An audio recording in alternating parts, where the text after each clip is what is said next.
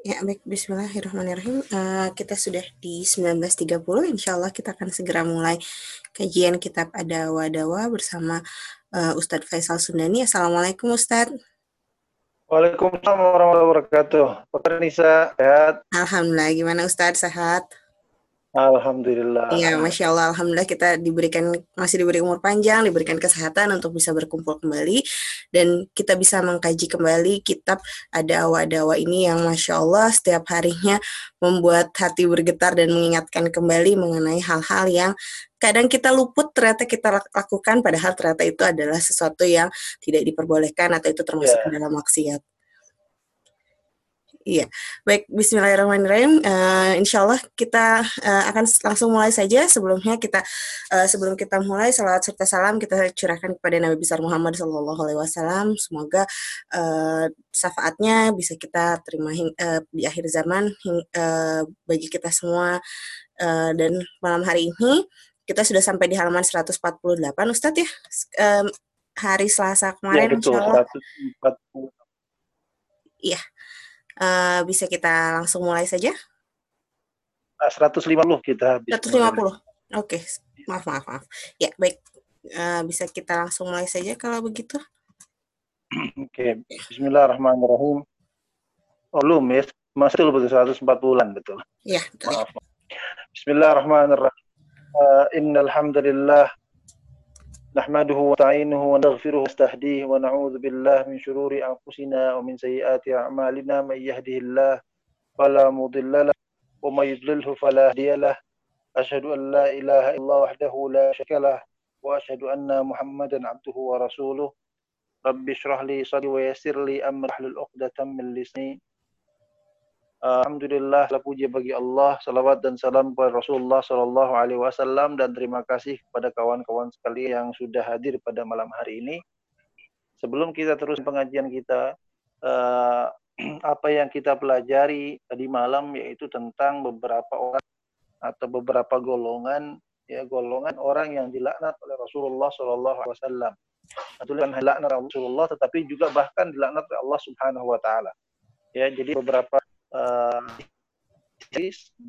pekerjaan yang dianat oleh Allah Shallallahu Alaihi Wasallam. Nah, uh, ada pertanyaan kemarin tentang uh, sebetulnya ketika laknat itu apa yang terjadi sudah uh, kita bahas kemarin bahwa satu uh, seorang ulama, seorang alim, ya, seorang uh, alim di Saudi Arabia, mufti yaitu hmm. uh, Al Utsaimin Ibn Al Utsaimin beliau mengatakan bahwa uh, pekerjaan apa pun yang mempunyai konsekuensi laknat ya laknat dapatkan laknat dari Allah dan dari Rasulnya dari Allah atau Rasulnya maka pekerjaan itu dianggap sebagai pekerjaan dosa besar dosa apa pun yang konsekuensinya ada di laknat ya maka uh, dosa tersebut uh, termasuk termasuk apa mas termas terhadap dosa yang besar ya dianggap sebagai dosa kabiro atau kabair.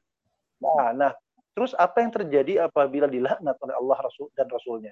Nah, yang terjadi adalah apabila dilaknat oleh Allah dan Rasulnya, yang terjadi adalah bahwa kita jauhkan dari rahmat Allah Subhanahu Wa Taala. Ya, dan apa yang terjadi kalau dijauhkan dari rahmat Allah Subhanahu Wa Taala? Kalau dijauhkan dari rahmat Allah Subhanahu Wa Taala, artinya kemungkinan tahun masuk surga itu tidak. Kenapa? Karena tidak ada rahmat dari Allah Subhanahu Wa Taala.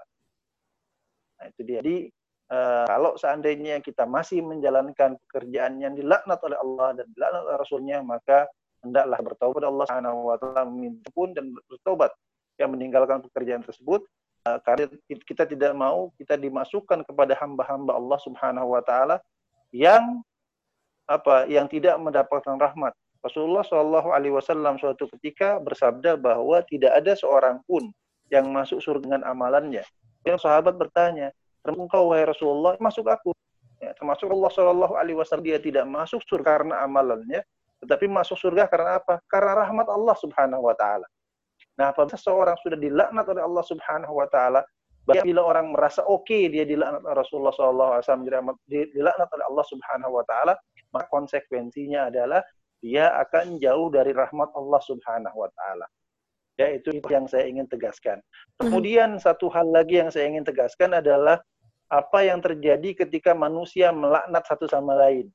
okay. nah uh, dalam ajaran Islam Rasulullah Shallallahu Alaihi Wasallam menegaskan bahwa salah satu salah satu atribut salah satu sifat dari orang-orang mukmin adalah orang mukmin itu apa laisa mukmin bit ta'at wala la'an Rasulullah uh, mukmin laisa bit ta'an bukanlah orang mukmin itu orang yang banyak mencela la'an atau orang yang banyak melaknat ya. Ulfahish uh, suka apa namanya uh, yang keji buruk ahlaknya. Walal bukan orang yang jorok ya. Bukan yang rokongannya bukan yang berkata uh, dengan perkataan-perkataan yang yang yang vulgar ya. Uh, itu itu itu saat orang apa harus dijauhi orang mukmin. Yang pertama to'an banyak mencela. Jadi semuanya dicela. Beda mengkritik dengan mbak ya kalau mencela itu sudah sudah beyond kritik. Jadi sudah memang tidak ada, ada tujuannya kecuali untuk menjatuhkan seseorang. Hmm. kemudian laan itu adalah ya kemudian apalagi walal orang yang berbuat pekerjaan uh, kemudian wala alzi alzi adalah orang yang bicara bicara uh, ngomong jorok. Nah itu hanya itu adalah hal yang Allah Subhanahu Alaihi Wasallam ingin kita apa namanya ingin ingin kita jauhi. Jadi hal-hal yang termasuk dalam list kerjaan yang harus dijauhi adalah melaknat. Termasuk melaknat orang kafir yang masih hidup. Ya, hmm. dalam surat Ali Imran dikatakan Allah Subhanahu wa taala berfirman, "Laisa laka minal amri syai'un aw alaihim aw yu'adzibahum fa innahum zalimun." Ya Muhammad, sedikit pun campur tangan dalam hal itu. Ya. Uh, apakah Allah menerima taubatnya atau Allah mengadnya? Fa innahum zalimun, sesungguhnya mereka adalah orang-orang zalim. Jadi uh, ini uh, ayat ketika Nabi Muhammad SAW makan lak kepada Abu Jahal. Ya, jadi Nabi Muhammad melaknat Abu Jahal. Abu Jahal itu adalah orang kafir yang betul kafir yang betul apa? Yang betul-betul kayak ya kayak kayak rajanya orang kafir lah. Uh-huh. Ya, ketika uh, melaknat meminta doa laknat untuk Abu Jahal Allah berfirman Wahai Muhammad, engkau nggak apa-apa. Engkau tidak punya campur tangan apa pun. Itu bukan urusanmu, gitu loh. Kenapa? Au yatuba alaihim. Apakah dia diambil taubatnya, diterima taubatnya? Au yu'adzim atau dia disiksa Allah Subhanahu wa taala fa innahum zalimun. Atau mereka disiksa oleh Allah Subhanahu wa taala fa innahum zalimun. Sesungguhnya mereka adalah masuk pada golongan orang yang yang zalim. Nah, adapun ketika orang kafir itu sudah meninggal, maka bolehlah tamalaknya walaupun sebetulnya melatnya pun tidak ada tidak ada tidak ada manfaatnya. Kenapa tidak ada manfaatnya? Karena orang itu sudah dilaknat Allah. Ya, jadi ketika orang yang meninggal dalam keadaan melaknat Allah Subhanahu wa taala, ya, Allah sudah melaknat dia, ngapain lagi kita untuk melaknatnya? Kan? Mengharami apa? Lautan. Ya, Allah innallaha la'an kafirina wa 'alahum Sesungguhnya Allah Subhanahu wa taala la kafirin, melaknat orang-orang kafir. Ya, wa azzalahum wa azza apa? Wa addalahum dan Allah memberi mereka menyiapkan untuk mereka sa'ir neraka sa'ir sudah ada apa nama sudah ada uh, hukumannya tidak ada laknat dari Allah Subhanahu wa taala jadi sesungguhnya tidak ada manfaatnya bagi kita untuk uh, melaknat. Jadi itu yang berkenaan laknat, melaknat dan laknat dan sebagainya dan juga uh, minggu lalu, oh ya kita belajar uh, dua hari yang lalu kita sudah mempelajari siapa saja sih yang dilaknat oleh Allah dan Rasulnya itu. Nah, ketika mengetahui Pak saya dilaknat oleh Allah dan Rasulnya, maka bagi kita adalah menjauh. Apabila auzubillah atau uh, seandainya kita masih masuk dalam atau siapa yang masuk dalam golongan tersebut, maka kita ajak mereka untuk keluar dari golongan tersebut ya. Jadi uh, itu sama, uh, intinya adalah kita harus ada awareness, ada ke apa namanya? ada kesadaran bahwa hal tersebut tidak boleh iya kesadaran. Kemudian setelah awareness bahwa baru kita ada sosialisasi. Oke, jangan begitu itu dilaknat oleh Allah Rasulullah ya. Jadi jadi itu. Nah, uh, hari ini kita akan meneruskan uh, nomor 19 ya. Nomor 19 yaitu uh, Ibnu Qayyim al-Jauziyah mengatakan ya wa minha dan di antara dampak maksiat adalah apa? Terhangnya pelaku di doa, Rasulullah Shallallahu Alaihi Wasallam dan para malaikat. Tidak ada hal spesial, ada hal-hal baik ya, yaitu ketika Allah Subhanahu Wa Taala memerintahkan nabinya untuk apa? Meminta ampun bagi kaum mukmin dan mukminat.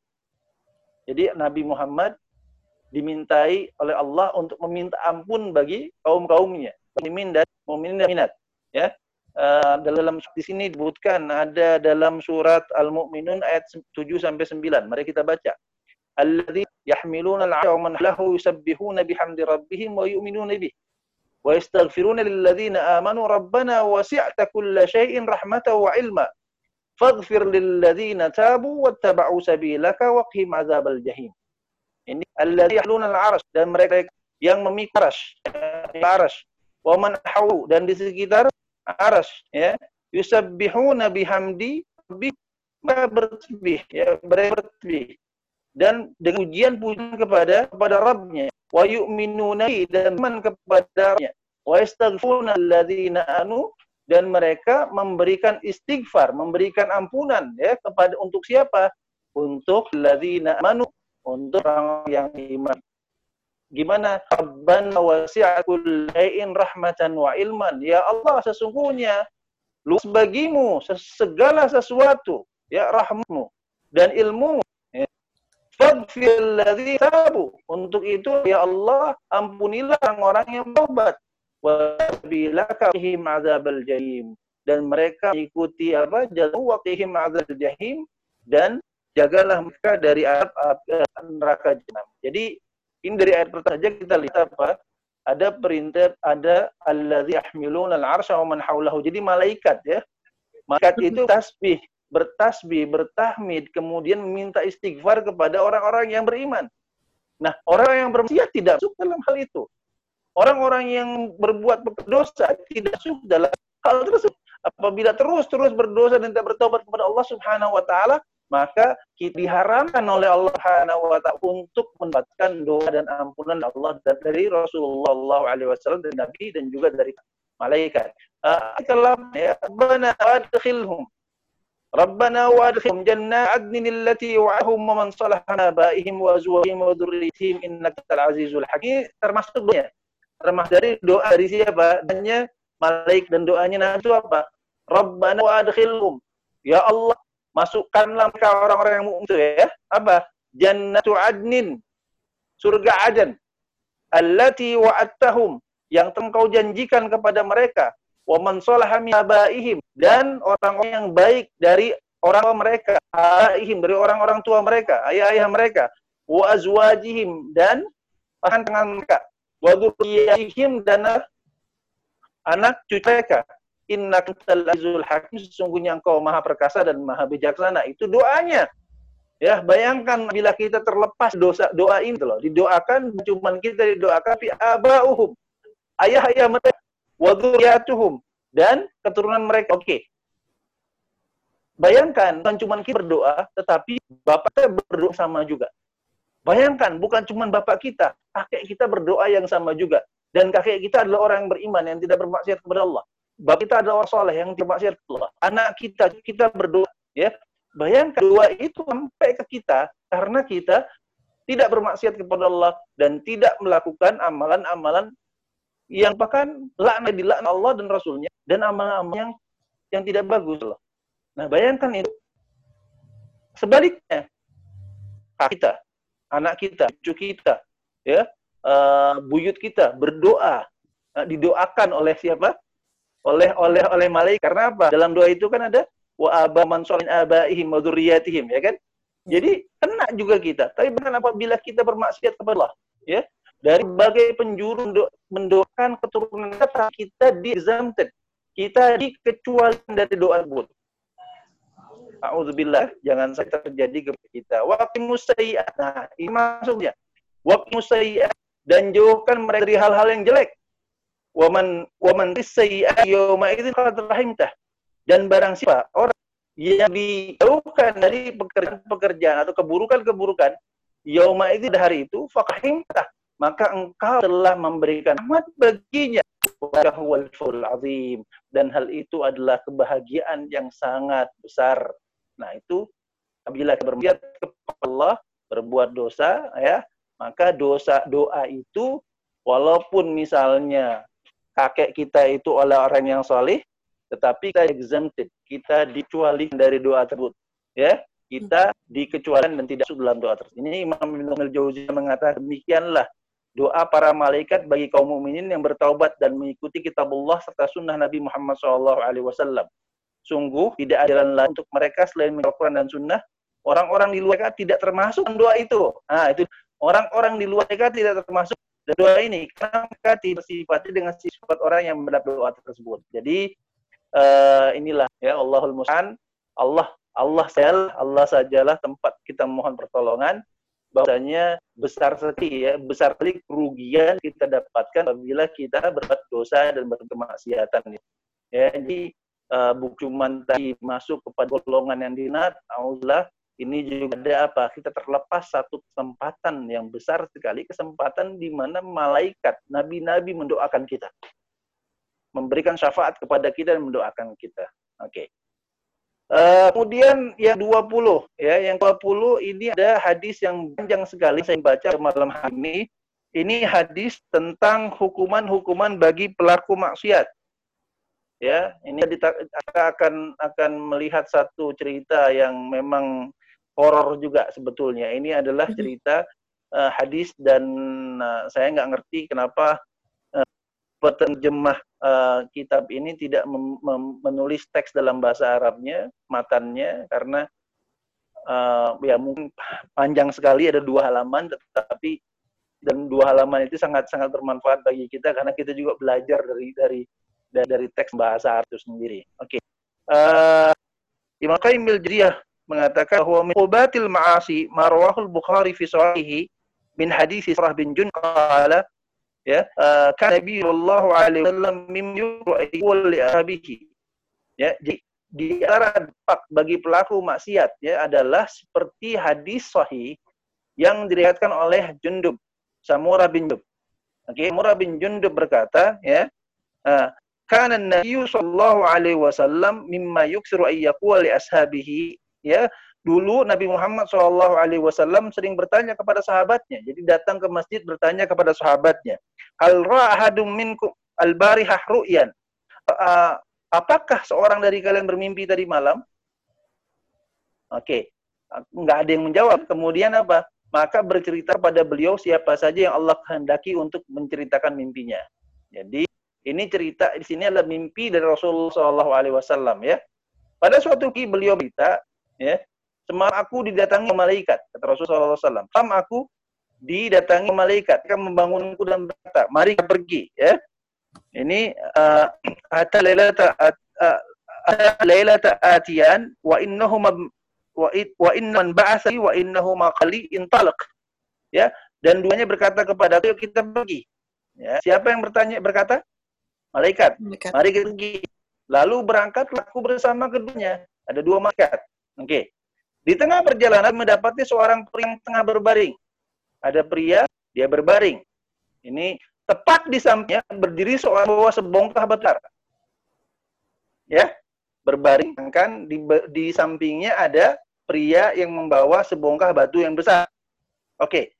Tiba-tiba batu itu jatuh ke atas pria yang baring tadi. Ya, dijatuhkan kepada di atas yang pertama sehingga apa? Pecahlah kepalanya ya. Kemudian batunya menginding, ya bukan cuma batunya aja menginding, tetapi palanya juga pecah dan rempah lepas batunya menggelinding. Kedua orang mengikut batu kemudian mengambilnya lagi.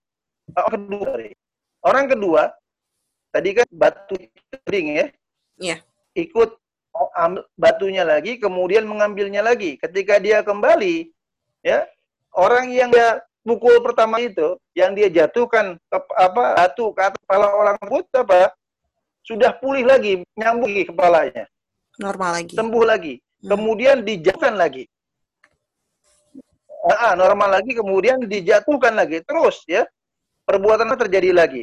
Aku bertanya kepada kedua malaikat subhanallah apa ini? Subhanallah apa ini? Mari kita pergi, mari kita pergi kedua malaikat. Jadi Rasulullah SAW berkata, Subhanallah mahadha Qala qala li intalik talik. dan dia orang itu intalik intalik pergi pergi ya jadi uh, apa namanya apa kejadian dua orang yang satu terbaring yang satu berdiri yang berdiri menjatuhkan apa uh, si batu. batu ke atas kepala yang berbaring uh-huh. kepala cah batunya menggelinding orang kedua itu ngambil batunya, kayak dia kali ke orang pertama yang berbaring ini orang pertamanya sudah menyambung lagi kepalanya. Uh-huh. Nah, ini kemudian apa kata Rasulullah? Ah, Subhanallah, uh-huh. apa yang telah dilakukan oleh kedua orang ini? Subhanallah. Ya, ini satu faidah buat kita. Ya, kata Subhanallah ini diucapkan ketika ada keanehan. Jadi gini, kita sering ke salah penggunaan Subhanallah dengan Masya Allah. Yeah ini kebetulan ada ada ada ya. momen yang tepat. Mm-hmm. Ya, Masya Allah itulah untuk melihat sesuatu yang bagus. Oh, Masya Allah bagusnya, Masya Allah cantiknya. Ya, jadi dalam Al-Quran surat Al-Kahf surat Al-Kahf dikatakan bahwa walau la jannataka Masya Allah. Ya, kalaulah ketika engkau masuk ke dalam kebunmu, ya, dan engkau mengucapkan Masya Allah. Nah, jadi Masya Allah itu karena bagus indahnya kebunnya. Ya, kayaknya oh, Masya Allah mobilnya bagus, masya Allah, ya, masya Allah di, dilengkapkan quwata billah, masya Allah quwata illa billah atau masya Allah kemudian doakan keberan atasnya, masya Allah tabarakallah. Jadi apa namanya itu ketika kita melihat sesuatu yang bagus. Bukan ketika anak kita nakal, masya Allah anak ini nakal banget ya, enggak. Uh-huh. Kalau bilang masya berarti terusan anak ini pinter bang bukan uh-huh. nakal banget gitu ya.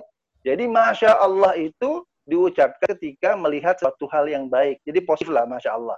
Sebaliknya, keanehan yang berbau negatif diucapkan Subhanallah. Suci Allah. Ya, Subhanallah. Udah contoh penggunaan Subhan tepat ini di sini. Itu kok itu Subhanallah. Dia nggak dia nggak mengucap Masya Allah kok itu enggak. Kalau diucapkan Masya Allah kepalanya potong berarti dia setuju dengan pemohon kepala gitu loh. Uh-huh. Tetapi kalau dikatakan subhanallah berarti dia heran kok kepala dipotong gitu kan. Kemudian uh, maka kami pun ya selanjutnya kami sampai ke satu bangunan seperti tanur kata dalam hati ini ya uh, tanur tur itu tanur itu kompor kompor tungku tanur itu kompaya kalau tur kalau bahasa bahasa India sahur ada tanduri chicken kan? Yeah. chicken tandur nah, tandur itu tuh, tungku. Tungku itu terbuat dari tong. Tongnya itu di dilasin semen gitu. Nah di dalamnya itu api. Itu kayak oven. Yeah. tandur kayak oven. Ya. Nah uh, tungku ini diterjemahkan sebagai tungku ya. Uh, perahu ini Rasulullah SAW berkata terdengar dari hiruk pikuk suara-suara ya jadi dari tungku bangunan dari tungku itu terdengar hirup pikuk suara-suara. Kemudian kami menengok ke dalamnya ternyata di dalam rapat wanita yang telanjang. Wanita, laki-laki dan wanita telanjang. Tiba-tiba muncullah kon api dari bawah eh, dan hal itu jadi mereka bertanya, aku bertanya siapa mereka, ya kemudian mereka Allah dia bertanya, kemudian dia mengatakan apa? Mari pergi, mari pergi. Ya, uh, yang kedua tadi tungku, bangun seperti tungku isinya adalah laki-laki perempuan yang telanjang, kemudian bawahnya ada ya, dan itu menyala-nyala. Oke. Kemudian maka aku maka kami pergi. Setelah itu kami datangi sebuah sungai di mana aku kata Samurah ya aku mengira Nabi Muhammad SAW mengatakan warnanya merah seperti darah. Dan sungai itu terdapat seorang yang sedang berenang. Dalam sungai itu orang sedang berenang. Sementara di tepian orang lain yang sedang mengumpulkan batu-batu dalam jumlah banyak. Beberapa saat kemudian, orang yang berenang tadi menepi dan mendatangi pengumpul batu itu dan lalu membuka mulutnya dan menyuapkan batu-batu tersebut. Yang buka mulutnya, menyuapkan batu-batu tersebut. Kemudian dia pergi dan berenang lagi. Setiap kembali kepadanya, dia membuka mulutnya, lantas orang lain menyuapkan batu-batu tersebut. Ini aneh ya. Kemudian aku pun bertanya, siapakah kedua orang ini? Hah? Mari kita pergi, mari kita pergi. Jadi nggak ada jawaban dari Jelasan. malaikat.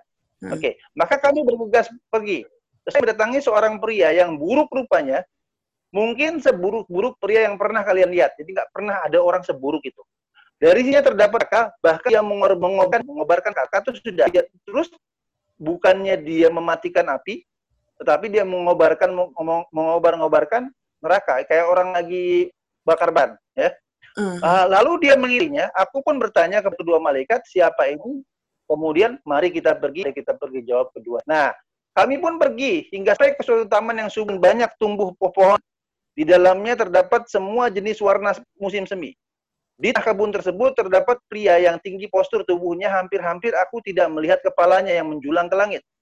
Ya sekiranya yang tadi terdapat belum belum pernah aku lihat anak-anak sebanyak itu siapa ini? Tanyaku ke kedua malaikat mari kita pergi mari kita pergi mari kita pergi. Itu jawab duanya. Maka kami lalu pergi. Akhirnya sampai di taman yang sangat luas ya. Belum pernah aku melihat taman yang lebih besar lebih indah darinya. Keduanya berkata kepadaku masuklah ke dalamnya. Ya ini taman ada indah sekali luas. Kemudian dua orang itu bilang apa? Masuklah ke dalamnya. Kami pun masuk ke dalamnya hingga kami saya ke suatu kota yang dibangun dengan tubuh emas. Kami mendatangi bank kota dan izin memasukinya. Bank itu pun dibuka untuk kami masuk kota tersebut yang di samping belah pria. Tepat tubuhnya sangat elok, seperti seelok pria yang pernah kalian lihat. Separuh lain sangat jelek, seperti jelek-jelek pernah kalian lihat. Ini campuran jelek dan bagus. bagus. Uh, kedua malaikat tersebut berkata kepada mereka, pergilah dan berendamlah di sungai itu. Ya ada sungai. Nah, sungai yang dimaksudkan adalah sungai yang lebar, airnya terus mengalir. Airnya bagikan susu karena sangat putih. Mereka pun pergi ke sungai tersebut, berendam dalamnya, lalu kembali kepada kami tiba kejekan yang tepat pada tubuh mereka. Tadi kan bagus dengan jelek ya. Iya. Kemudian setelah dam, yang jeleknya hilang. Oke. Okay. Perawi berkata, kedua mereka itu berkata kepadaku, ini adalah surga, serta di sanalah di sanalah tempat tinggal Aku segera menengok ke atas, ternyata terdapat sebuah istana seperti awan putih. Itulah tinggal jelas kedua malaikat. Aku berkata kepada duanya, tapi langsunglah. Semoga Allah memberkahi kalian. Pun member, membiarkanku sehingga aku berusaha masuknya akan tetapi mereka seru tidak untuk saat ini namun engkau masuk ya aku kata kepada kedua malaikat malam ini aku melihat keaiban apa sebenarnya yang telah kulihat Teman, uh, berkata, kami akan menjelaskan kepadamu pria pertama yang kau datangi. Yang pertama itu tadi ya.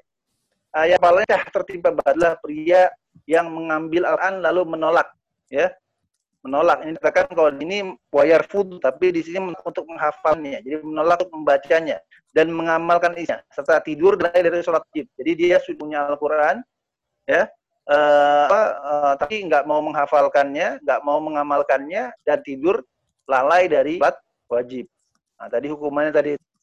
Mereka melanjutkan berikan juga yang kau jumpai yang disobek dari mulut sampai ke tengkuk, dari hidung sampai ke tengkuk, dari mata sampai ke tengkuk adalah pria yang pagi keluar rumahnya lantas berbuat dusta dengan suatu kedustaan sampai ia ber, dari ber, yang sampai ke berbagai penjuru dunia.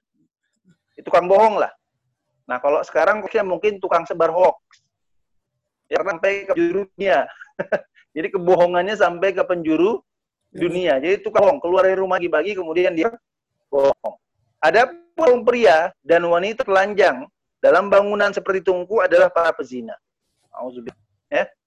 Jadi ingat yang pertama adalah yang pertama siapa? Yang pertama adalah orang yang sholat, ya, orang yang uh, menolak al kemudian tidak mau mengamalnya, ya dan lalai sholat, tidur, tertidur dalam uh, lalai sholat tidur. Nah, kedua tadi adalah apa? Uh, adalah orang yang dusta, ya, orang yang banyak bohong, yang kebohongnya itu ketika dia keluar rumah sampai dia balik lagi ke rumah itu bohongnya itu sampai ke penjuru dunia. Artinya hmm. banyak di bohongnya. Ya, kalau uh, kalau sekarang ya berarti tukang tukang hoax, eh, tukang hoax, bikin ya. hoax, tukang tukang nyebar hoax. Nah, kemudian yang ketiga pria yang berada di dalaman adalah Ibrahim alaihissalam yang di taman itu ada yang tinggi sekali Ibrahim alaihissalam. Sedangkan anak yang berada di sekitarnya adalah anak yang tinggal di fitrah, anak-anak tadi. Anak-anak yang tinggal di atas fitrah. Di dalam riwayat Al-Barqah dilahirkan di atas fitrah jika itu sebagian sahabatnya ketika mengatakan bahwa itu adalah anak keadaan fitrah. Kemudian ya para sahabat bertanya, wahai Rasulullah, bagaimana dengan anak-anak kaum musyrikin? Artinya anak-anak yang meninggal dalam keadaan anak walau mereka dari dari golongan kaum musyrikin, apakah masuk ke dalam anak-anak yang telah tersebut? Kemudian Rasulullah SAW menjawab, begitu pula dengan anak-anak kaum musyrikin. Jadi hmm. anak-anak kaum musyrikin yang belum masuk ya berarti mereka masih dalam keadaan fitrah. Ya, itulah tugas orang untuk menjaga fitrahnya. Ya, fitrah anak itu dijelaskan orang untuk menjaga fitrah anak. Kemudian yang terakhir, kaum yang separuh tubuhnya elok dan separuhnya lagi jelek adalah kaum yang mencampur amal soleh dengan amal yang buruk.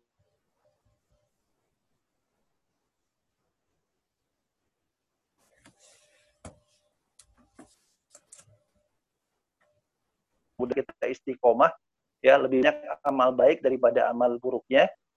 Hmm. Tapan dalam hati kita untuk terus menjalankan ketaatan pada jalannya. Mudah Allah Subhanahu wa taala memberikan kita takut cemas jika kita berda dan bermaksiat kepada Allah Subhanahu wa taala. Ya, jadi ada pertanyaan? Ya. Menunggu pertanyaan, saya ingin meringkas ya yang kita baca tadi saya akan ringkaskan hadis yang saya baca tadi. Uh, kemudian apa hubungan hadis ini dengan judul ya? Judul bahwa itu adalah uh, sub subtopik ya. Uh, subtopiknya bahwa ini adalah dosa atau hukuman-hukuman yang diberikan kepada pendosa. Jadi dalam hadis ini, hadis mimpi ini Rasulullah Shallallahu Alaihi Wasallam memberikan gambaran-gambaran, ya, gambaran-gambaran tentang hukuman yang Allah Subhanahu Wa Taala kan kepada orang yang berdosa ya asa apa saja ya dalam dalam mimpi ini dikatakan yang pertama adalah melalaikan sholat dan meninggalkan Al-Quran ya dosa yang hukumannya hukumannya adalah apa yang itu hukuman yang bat ya yeah. uh, hanya di di apa ya di di dipecahkan oleh batu kemudian kepalanya baik lagi punya menggelinding nemu batunya dipecahin lagi yang kedua adalah tadi uh, yang dirobek mukanya dari belakang ke depan adalah orang yang apa? Orang dusta, berbohong. Ya, dari membohong, membohong orang. Kemudian yang ketiga adalah dosa zina.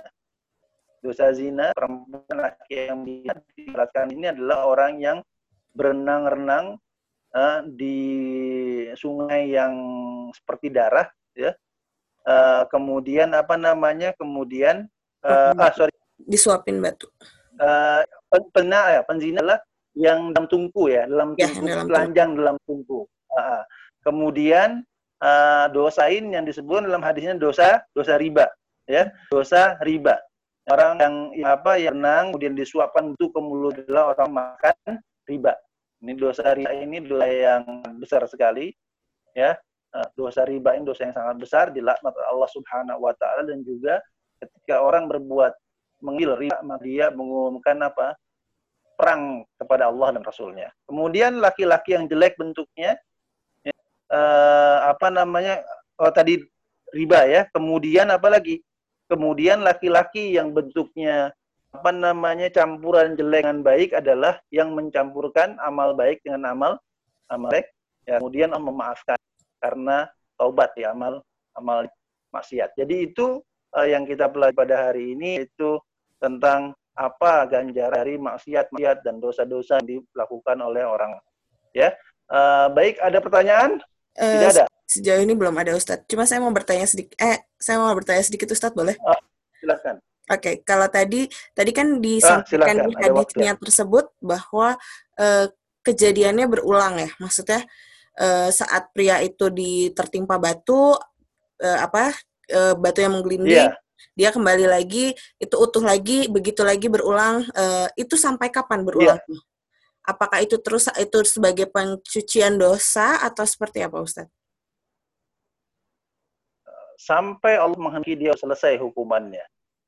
Okay. ya jadi memang terjadi hukuman-hukuman itu kan begitu. Jadi layamu fiha ya ya. Orang neraka ketika mendapatkan eksekusi dari dari dari hukuman dari doa yang dia telah lakukan ya.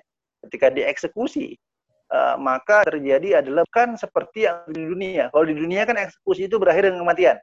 Yeah. Mati ya, habis hmm. disiksa mati. Nah, mati itu kan rehat, istirahat.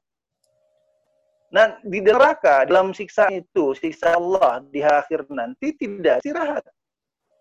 Artinya terus disiksa dalam keadaan kita masih hidup. Eh, di kepala itu terpisah, nyambung lagi. Kalau terpisah, nyambung lagi. Terus ilah Masya Allah. Sampai waktu yang ditentukan oleh Allah Subhanahu Wa Taala ketika sudah ditentukan bahwa oke, okay, selesailah masa hukummu. Jadi itu sama kayak di dunia orang di penjara. Sampai kapan penjaranya?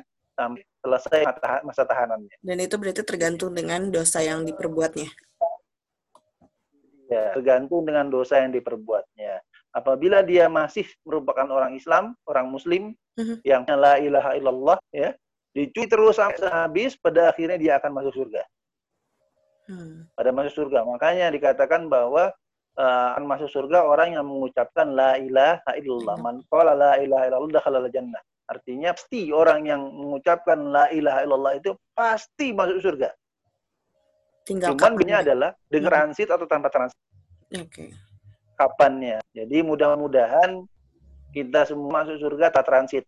Jadi dead fly dari dari dari dari dunia ke uh, surga nanti. Oke. Okay. Jadi gimana? Tidak ada pertanyaan lain? Tidak ada ya? pertanyaan, Ustaz. Tidak ada yang bertanya. Oke, okay, jadi begitu sama-sama saya lihat private ada nggak? nggak ada kayaknya private juga. Oke. Okay. Ya. Mari sama-sama kita berdoa kepada Allah Subhanahu wa taala. Allah Subhanahu wa taala menjaga kita dosa dan maksiat. Semoga Allah Subhanahu wa taala memberikan istiqomah, hmm. ketetapan as-sabat dalam mengerjakan amal-amal baik. Semoga Allah Subhanahu wa taala memberikan kita husnul khatimah, uh, pengakhiran yang baik bagi amal-amal kita di hidup kita, uh, di akhiri hidup kita ketika kita sedang melaksanakan amal dan tidak mengakhiri hidup hidup kita dengan suul khatimah atau pengakhiran yang jelek. Rabbana la tuzigh qulubana ba'da idh hadaitana wa hab lana min ladunka rahmatan innaka antal wahhab. ربنا لا تؤاخذنا إن نسينا وأخطأنا ربنا ولا تحمل علينا إصرا كما حملته على الذين من قبل ربنا ولا تحملنا ما لا طاقة لنا به فاعف عنا واغفر لنا وارحمنا أنت مولانا وانصر القوم الكافرين سبحان ربك رب العزة أما يصفون وسلام على المرسلين والحمد لله رب العالمين Ya, silakan saya serahkan kepada moderator. Ya, baik. Alhamdulillahirrahmanirrahim. Jazakallah khairan kasiran Ustaz uh, atas penjelasannya. Uh, Masya Allah, tabarakallah. Uh, mengingatkan kita untuk kembali selalu berbuat baik dan, dan menghindari maksiat selama kita hidup di dunia ini. Semoga Allah mudahkan dan Allah mampukan kita semua dan selalu memberikan hidayah bagi kita semua untuk selalu ada di jalannya. Insya Allah kita kembali lagi bertemu besok di hari Jumat di kajian kita pada Wadawa jam 19.30. Uh, Terima kasih rekan-rekan pembelajar semua yang sudah bergabung. Sampai bertemu besok. Mohon maaf lahir dan batin atas segala kekurangan dan kehilafan selama pelaksanaan kegiatan malam hari ini. Uh, saya tutup uh, kelas malam hari ini dengan doa kafaratul majelis. Subhanakallahumma bihamdika asyhadu an la ilaha illa anta astaghfiruka wa atubu ilaik. Uh, baik Ustaz, terima kasih banyak. Uh, salam untuk keluarga. Ya, saya tutup kelas malam hari ini. Assalamualaikum warahmatullahi wabarakatuh. Waalaikumsalam warahmatullahi wabarakatuh.